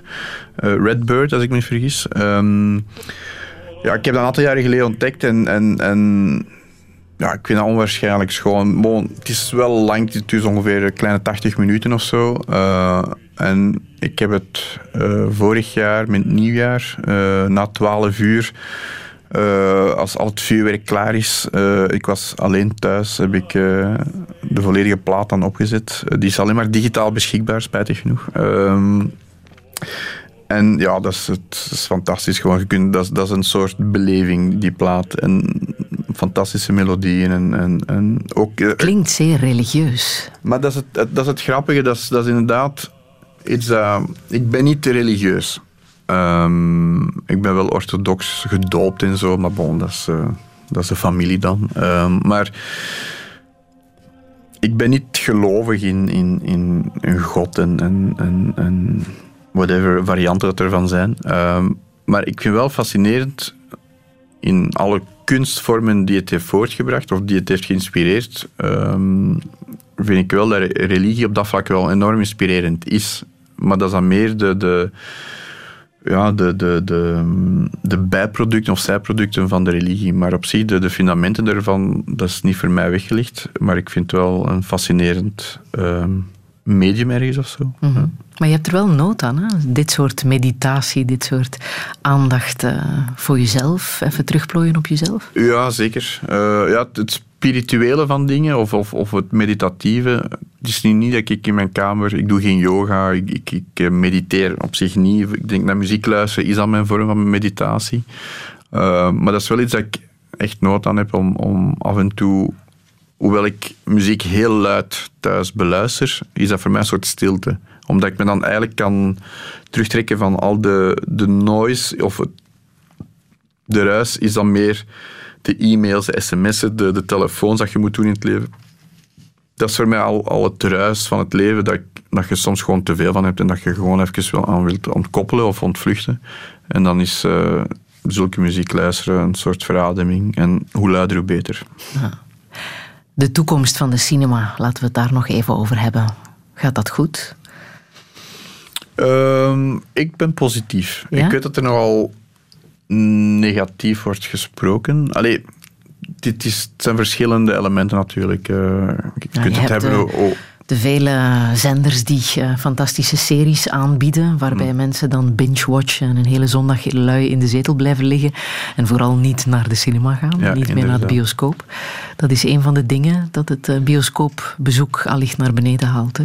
Ja, zeker. Ja, op zich, dat is dan een beetje zo de financiële kant van, van veel bezoekers of weinig. Voor mij, wat ik wel leuk vind nu, of, of interessant, is wel een soort demarcatie of een soort scherpere aftekening van wat is cinema tegenover wat is televisie. En ik weet dat er de laatste jaren veel gesproken is geweest van televisie is net zoals cinema, eh, kan heel visueel, visueel zijn en, en sterke verhaallijnen en, en, en uitgewerkte personages. En om, omdat, omdat ze meer tijd hebben en, en ze gebruiken die tijd om, om, om al die dingen te ontwikkelen.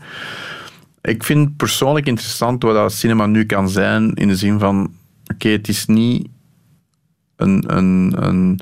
Cinema is meer zo de... de de, de frontvisie of de frontlijn van, van het, creatieve of zo. TV gaat nooit iets nieuws zijn. Het gaat altijd een soort zijproduct zijn of een soort ehm, verwaterde versie zijn van wat cinema geweest is of nu kan zijn. En ik denk niet dat er één tv-reeks is dat je kunt zeggen van ah ja, dat heeft tv herschapen. Nee, eigenlijk komt het altijd van eh, cinema is altijd degene die de dingen uitproberen, die het experiment eh, aangaan. En, en die, het wordt niet gemakkelijker als sinds. Maar ik vind wel dat eigenlijk cinema zich nog meer moet gaan eh, duiden door experimenteler te zijn. En, en niet van moeilijk of moeilijk willen doen, maar gewoon laten zien wat er ook kan binnen het artistieke medium. En tv gaat en kan alleen maar iets zijn dat veel mensen moeten leuk vinden en tof vinden. Dus kan alleen maar een soort zachtere, rondere versie zijn van, van, een, van wat cinema kan zijn. Brussel heeft er net een nieuwe arthouse cinema bij. Pathé Palace is eindelijk terug open. Dat is op wandelafstand, hè? Voor Ja, jou. ja, ja, zeker. Ja, ik ben nog niet nu naar de nieuwste versie daarvan geweest, van Pathé Palace. Eh, ik ben wel geweest aan de vorige opening, dus dat is tien jaar geleden of zo. Of, eh, ik heb nog eh, de laatste film van Kubrick daar gezien. En als we eens kijken naar Amerika, wat heb jij zelf persoonlijk meegemaakt of eh, ondervonden na de Weinstein-affaire? Goh, het is, het is wel... Ik herinner me tijdens het draaien van Aitonia, dus dat is, dat is ervoor, hè, voor de hele MeToo-beweging en zo. ik, ik, ik zie wel dat de, de, je kunt dat niet zo open of gemakkelijk moppen maken over whatever ginder. Eh, ik, ik herinner me een, bepaald voorval dat ik met iemand, een, een, een productiemeisje, aan, aan, gewoon aan, aan eh, moppen aan het maken was over iets. En de producer kwam binnen van, van de film. En die had daar, die, ons gesprek gehoord, maar dat was heel onschuldig, dat was gewoon niks. En dan later, als ik in zijn kantoor was die dag, eh, kwam hij daar toch op terug en zei: Ja, ik, heb, ik was aan het luisteren wat, wat jullie aan het zeggen waren. En ik wil alleen maar zeggen dat je dat echt niet meer mocht zeggen, die dingen, want uh, subiet ga ik nog eh, eh, eh, een aanklacht krijgen van dat meisje over het feit dat je daar seksuele moppen aan toe waart. Ik zeg, maar zij was er zelf over, over begonnen en we zijn daar gewoon een beetje over, eh, over aan het lachen geweest en, en dat was helemaal niks.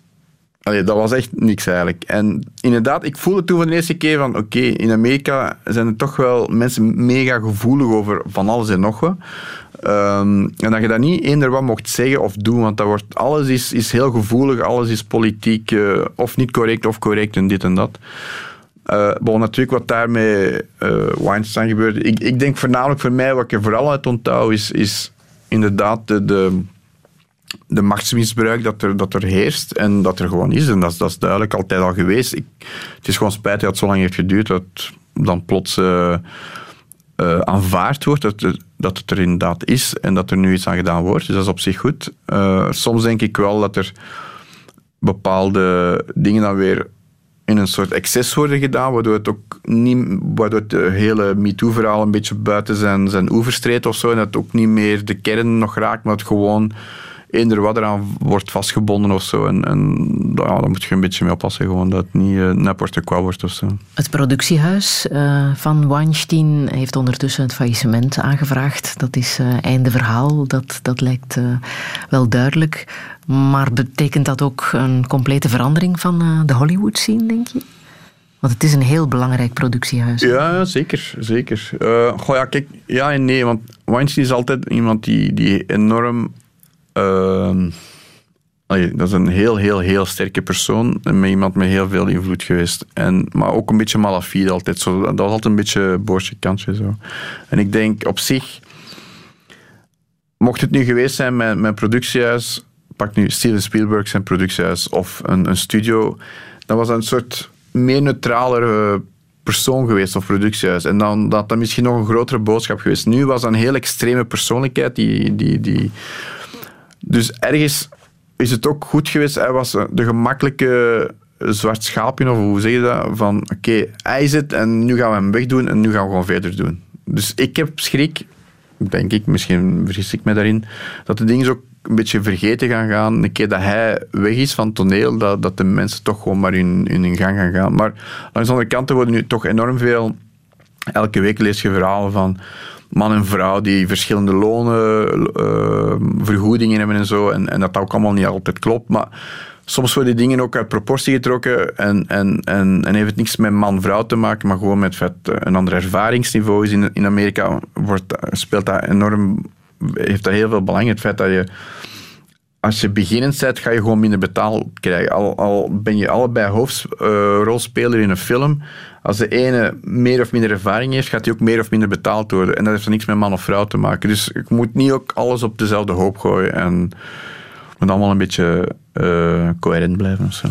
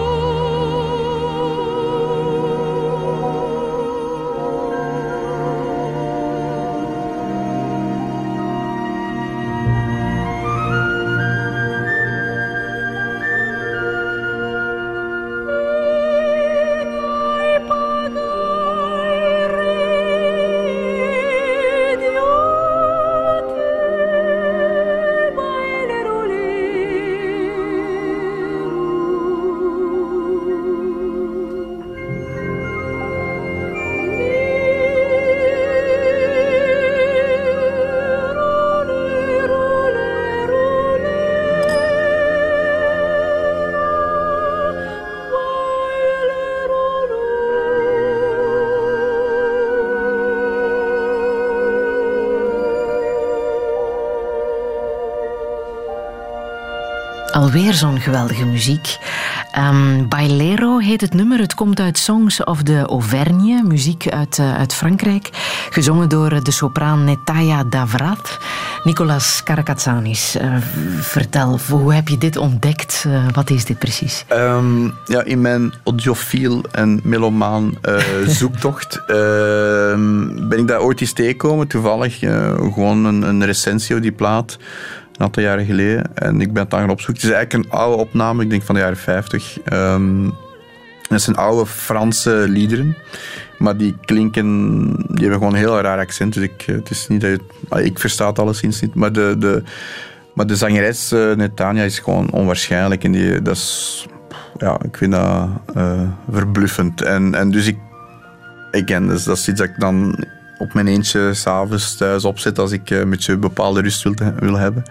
Uh, maar ik vind het ook mooi dat, dat alle opnames niet zozeer ook oud moeten klinken. Deze heeft enorm veel presence en kracht en, en, en, um, en is gewoon emotioneel blijft dat werken over de, over de generaties door en heen. En dat vind ik er zo mooi aan. Dat, dat, dat, dit, is niet, dit is geen uitvoering van nu, dit is letterlijk een opname van de jaren 50.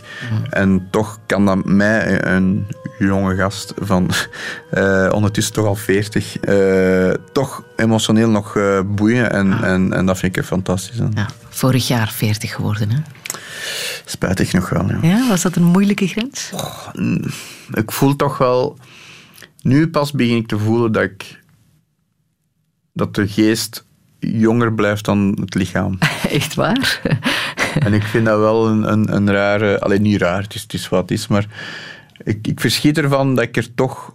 Uh, ja, dat dat toch belangrijk is voor mij. Dat, dat, dat mijn lichaam... Oh, dat, is ook, dat heeft ook te maken met mijn werk, dat nogal fysiek is. Uh, dus ik, ik vind wel het in orde moet blijven en, en moet kunnen functioneren, zowel voor het werk, maar even voor, me, voor mezelf. Ja. Wat zou jij echt nog willen in jouw leven? Um, uiteindelijk een goede relatie. Een blijvende relatie. Een verrijkende relatie. Die ik nu momenteel heb. Dus ik kan echt niet klagen. Um, en ik, ik, kan denken natuurlijk aan werk of zo, maar op zich, ik moet toegeven, hoe dat nu is en loopt, ik vind het prima. Ik, vind, ik ben heel blij. Ik kan, ik kan echt een leven leiden dat ik, dat ik wil. Niet, niet extravagant of niet onwaarschijnlijk, uh, maar ik zie de wereld en, en ik kan naar mooie muziek luisteren. Verhuis je ooit naar L.A., naar Hollywood? Nee, die, die, dat, dat zou een verarming zijn. Mm -hmm. Allee, voor in mijn geval. En, en ik zeg niet dat dat voor iedereen zo is, maar ik zie daar niet... Ik heb echt gemerkt dat, dat de Europese cultuur, en dan heb ik het meer over Europa, niet zozeer België, maar wat wij hier hebben, hoewel dat wij enorm veel persoonlijke conflicten hebben en dat iedereen denkt dat zijn cultuur beter is dan een ander. Het, het, het coole aan Europa is dat wij allemaal heel veel cultuur hebben en dat we daar gewoon van moeten genieten dat die er is. En uh, het Amerikaanse continent heeft uh, spijtig nog veel minder cultuur. En die zijn daar wel aan bezig en dat gaat groeien. En dat gaat binnen duizend jaar interessanter zijn dan nu. Maar momenteel hebben die vooral onwaarschijnlijk prachtige natuur. Heel vriendelijke mensen die het uh, bewonen. Maar als beleving van het leven vind ik Europa een interessantere plek. En dus je blijft hier? Graag. Ja collectioneren. Vinyl en pellicule. En parfums ook? Parfums Blijf je ook. collectioneren? Ja, ja, ja. Dus, uh, dat is een, een, een beetje ziekelijk soms. Maar uh, nee, het is, dat, is, dat is even boeiend als, als uh, ja, muziek. Dat is een soort diepte-dimensie dat je, aan, dat je mee dat, dat is zoals kleren of zo, of, of, of, uh, of, ja, of naar muziek luisteren of een boek lezen. Dat is gewoon dat is, dat is een bepaalde verrijking, dat geeft een bepaalde diepte. Dat is een van je zintuigen, dat niet onbelangrijk is. Uh, en, en ja, ik, ik, ik doe dat al een aantal jaren nu en ik vind dat fascinerend. Dus ik ben dan geen... Ik kan niet zeggen dat ik een mega kenner ben, maar ik vind dat zo'n boeiende wereld, parfums. Uh, en, en, dus dan stap jij winkels binnen of waar, waar zoek je die? Waar wel, maar vind dat, je die? dat, dat is dus het ding. Dat is, dat is, omdat ik het, de, het geluk heb veel te reizen met mijn werk, een van de dingen dat ik doe als ik tijd heb, dan ga ik op zoek naar een parfumerie of dit of dat, maar niet een Paris Excel of zo. Of, of, dat zijn echt gespecialiseerde boutiques die allemaal van die eh, niche eh, merken verkopen of, of gewoon, ja, dat is, dat is zoals een specifieke wijn of whisky, dat is, dat is parfum, is iets, dat is een heel edel... ehm, Aangezien jij niet drinkt, moet je een ander vloeistof eh, testen. op een andere manier alcohol... Op een andere eh, manier. Ja, ja. Ja. ja. Nee, maar het is, het is echt heel, eh, heel verrijkend. En, en ook, dat heeft ook een, een heel oude cultuur. Dat is echt iets eh, dat ook al honderden jaar bestaat. En, en op verschillende manieren. En, en ja, je hebt, je hebt eh, Franse, Italiaanse parfum, whatever. Kan, eh, Welke boodschap wil jij hier nog meegeven, tot slot? ik weet niet. Mm, ik denk dat ik misschien zou moeten terugkeren op eh, hoe meer dat je geeft, hoe meer dat je krijgt. En dat is heel algemeen, maar kijk, van, het werkt. Je geeft ons nog een beetje zottigheid van John Zorn, tot slot. Ja. Zottigheid is het goede woord? Openheid. Ja? Zo zie ik het. Eh, dat is een persoon die mij echt beïnvloed heeft. eh, van, ook als ik zo 14, 15 was. En de plaat die er nu is, ehm, is ehm, eentje die ook mij heeft beïnvloed eh, in arrangementen, maar in, in wat muziek kan zijn en, en, en de ervaring van muziek. En dat heeft mij ook beïnvloed in hoe ik open sta naar mijn eigen creatieve uitspattingen. Het heet Pink en het komt uit de, het komt uit de plaat eh, Elegy. En moeten we de mensen waarschuwen, want het is iets wat we nooit horen op de radio. Ik zou zeggen, je moet, het, je moet er vooral van genieten.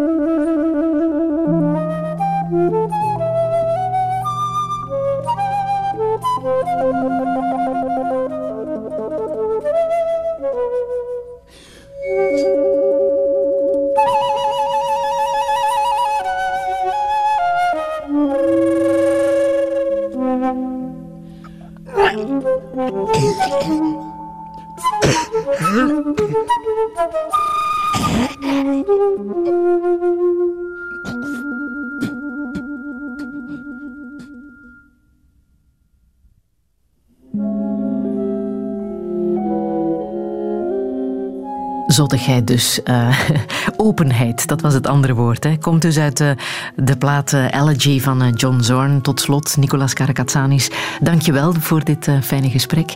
Alle info staat zo meteen na te lezen op onze website radio1.be. En volgende week ontvang ik hier de Nederlandse filosoof Joke Hermsen. Herbeluister Touché via de podcast Radio Plus en radio1.be.